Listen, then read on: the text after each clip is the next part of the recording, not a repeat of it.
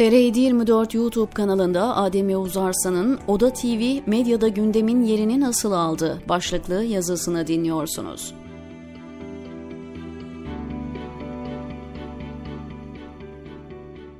Türkiye en sıcak, en popüler konunun bile 3 günden fazla gündem olmadığı bir ülke. Aynı zamanda herkesin her şey olabildiği ama hiç kimsenin rezil olmadığı bir yer.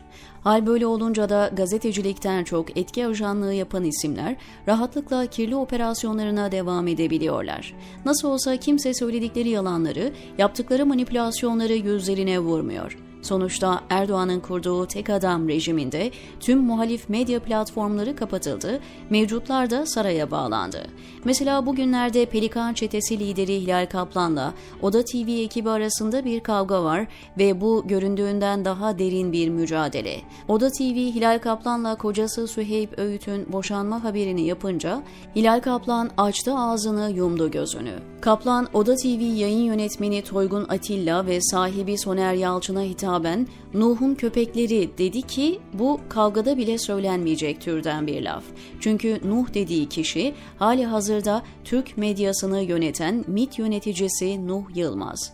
Dolayısıyla Erdoğan'ın gözde yazarlarından aynı zamanda TRT Yönetim Kurulu üyesi de olan Hilal Kaplan, Soner Yalçın ve Toygun Atilla'yı MIT'e çalışmakla itham etti ve böylece Oda TV'nin muhalif maskesini de indirmiş oldu.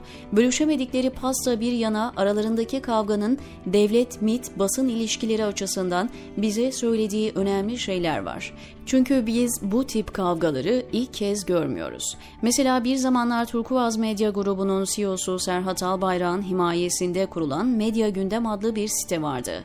Geçmiş zaman kipi kullanıyorum çünkü sözde haber yorum sitesi fakat gerçekte MIT'in operasyon üssü olan bu site bir süredir sessiz. Aslında sadece medya gündem değil, Haber 10 ya da Medya Savar gibi paralel sitelerde kepenk indirdi. Sosyal medya hesapları bile güncellenmiyor. Medya gündemin sahibi ve yazarı gözüken Tutkun Akbaş ortalarda gözükmüyor. Çünkü misyonlarını tamamlayıp bayrağı Oda TV'ye devrettiler. Erdoğan ailesinin fonladığı, Sabah gazetesi içinden yayın yapan medya gündemle Soner Yalçın'ın Oda TV'si nasıl iş bölümü yapar demeyin. Zaten haberin yazının konusu da o. Medya Gündem ve Haber 10 gibi sitelerin operasyon merkezi olduğu ilk bakışta anlaşılabiliyordu. Ama ben size mahkeme dosyalarına girmiş delillerden örnekler anlatacağım. Medya Gündem sitesi görünüşte Tutkun Akbaş'a aitti. Görünüşte diyorum çünkü sitenin gerçek sahibinin Serhat Albayrak ve dolaylı olarak MIT olduğu basın camiasında herkesin bildiği bir sırdı. Tutkun Akbaş site kadar enteresan bir kişilikti denebilir. Zira gazetecilik kariyeri boyunca uçlarda dolaştı. Oda TV'de yazarlık yaparken AKP kapatılmalı türü yazılara, haberlere imza atarken bir anda iktidarın en ateşli ateşli savunucularından oldu. Turkuvaz Medya Grubu'nun CEO'su Serhat Albayrak, paravan sitelerden operasyon çekecek birilerini ararken yolu Tutkun Akbaş'la kesişti. Sonrası malum. MIT ve iktidar kimi hedef almışsa site o kişiyi itibarsızlaştıran haberlerle doldu. Haber dediğim lafın gelişi çünkü yazılan yazılara haber denemez. Tehdit, hakaret, yalan, iftira ne ararsanız vardı. Günün birinde Erdoğan döneminin müzesi yapılırsa orada mutlaka olması gereken bölümlerden birisi de bu tetikçi siteler olmalı.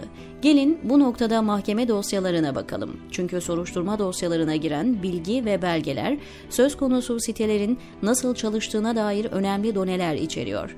İstanbul Cumhuriyet Başsavcılığı'nın 2006-1457 sayılı iddianamesinin ek klasörleri bize medya günden ve benzeri sitelerle ilgili çok çarpıcı bilgiler veriyor. Sizi mahkeme ve soruşturma dosyalarına boğmadan özetleyecek olursam, Tutkun Akbaş'ın yönettiği medya gündem sitesinin Ekrem Dumanlı, Bülent Keneş ve Emre Uslu gibi gazetecileri hedef gösteren haberleri sonrası açılan soruşturmada ilginç detaylara ulaşılıyor. Öncelikle o dönem provokatif haber ve hedef göstermeleriyle dikkat çeken Medya Gündem, Haberon ve Medya Savar adlı sitelerin internet alan adları aynı kişi tarafından alınmış.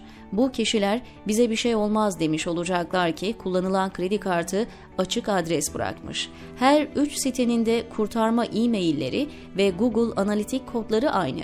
Başka hiçbir şeye sahip olmasanız bile bu veriler söz konusu sitelerin aynı merkezden yönetildiğini ispatlamaya yeter.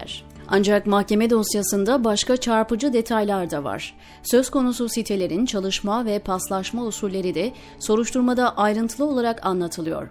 Yine soruşturma evraklarına göre Tutkun Akbaş, 20 Kasım 2013'te emniyete verdiği ifadede şikayete konu olan yazıların kendisi tarafından yazıldığını, Erdem Yavuz ismiyle yazılanlarınsa kendisine e-mail ile geldiğini ama sahibini tanımadığını anlattı. Akbaş'ın kim olduğunu bile bilmediği birinin yazılarını manşete çekmesinin ne kadar inandırıcı olduğunu sizin takdirinize bırakıp devam edelim.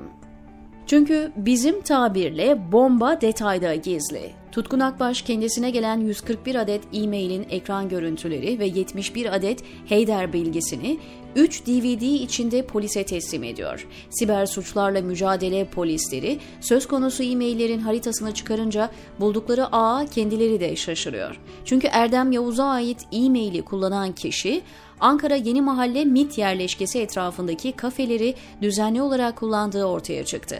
Hatta bunlardan bir tanesi MIT Nizamiyesi'nin tam karşısındaki kafe. Havuz medyasını besleyenler izlerini kaybettirmeye gerek bile duymamışlar. Soruşturma makamları e-maillerle ilgili çarpıcı verilere de ulaşıyor ancak devletin iki kurumu karşı karşıya gelmesin denilerek o detaylar soruşturma evraklarına yansıtılmıyor.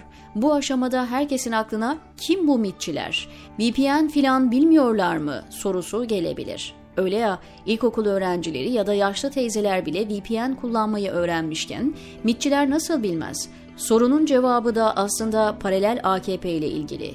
Medya Gündem ve Haberon gibi psikolojik harp yapan siteler doğrudan Hakan Fidan'a bağlı özel bir ekibin işi. Bir bakıma MIT içinde MIT ve kurum içinde ayrı bir yapılanma kuruyorlar.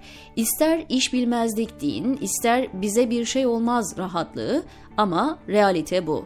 Dediğim gibi devlet kurumları karşı karşıya gelmesin diye bazı somut verilerin gündeme getirilmediği de güvenlik bürokrasisinde bilinen bir realite. Peki bunların Oda TV ile ilgisini? Aslında cevap ortada. 2011 ilkbaharındaki Oda TV operasyonu aslında MIT'in bir çalışmasıydı. O dönem Bugün Gazetesi Ankara temsilcisiydim ve bu konuyu bizzat MIT müsteşarından dinlemiştim. MIT, Hakan Fidan'ın aleyhine yoğun bir kampanya yürütüyordu ve Fidan bu durumdan çok rahatsızdı. Dosyayı hazırlayıp emniyete pasladı ve o çok tartışılan operasyon için düğmeye basılmış oldu. Oda TV zaman içinde özellikle de iktidar destekli Cumhuriyet Vakfı operasyonu sonrası MIT'in kontrolüne girdi. Hürriyet'ten Toygun Atilla'nın yayın yönetmeni olarak transferiyle birlikte de MIT'in operasyonel alanlarından biri haline dönüştü. Oda TV'ye sözde muhalif takılıp iktidarın hedef aldığı kesimleri yıpratmak gibi bir misyon biçildi.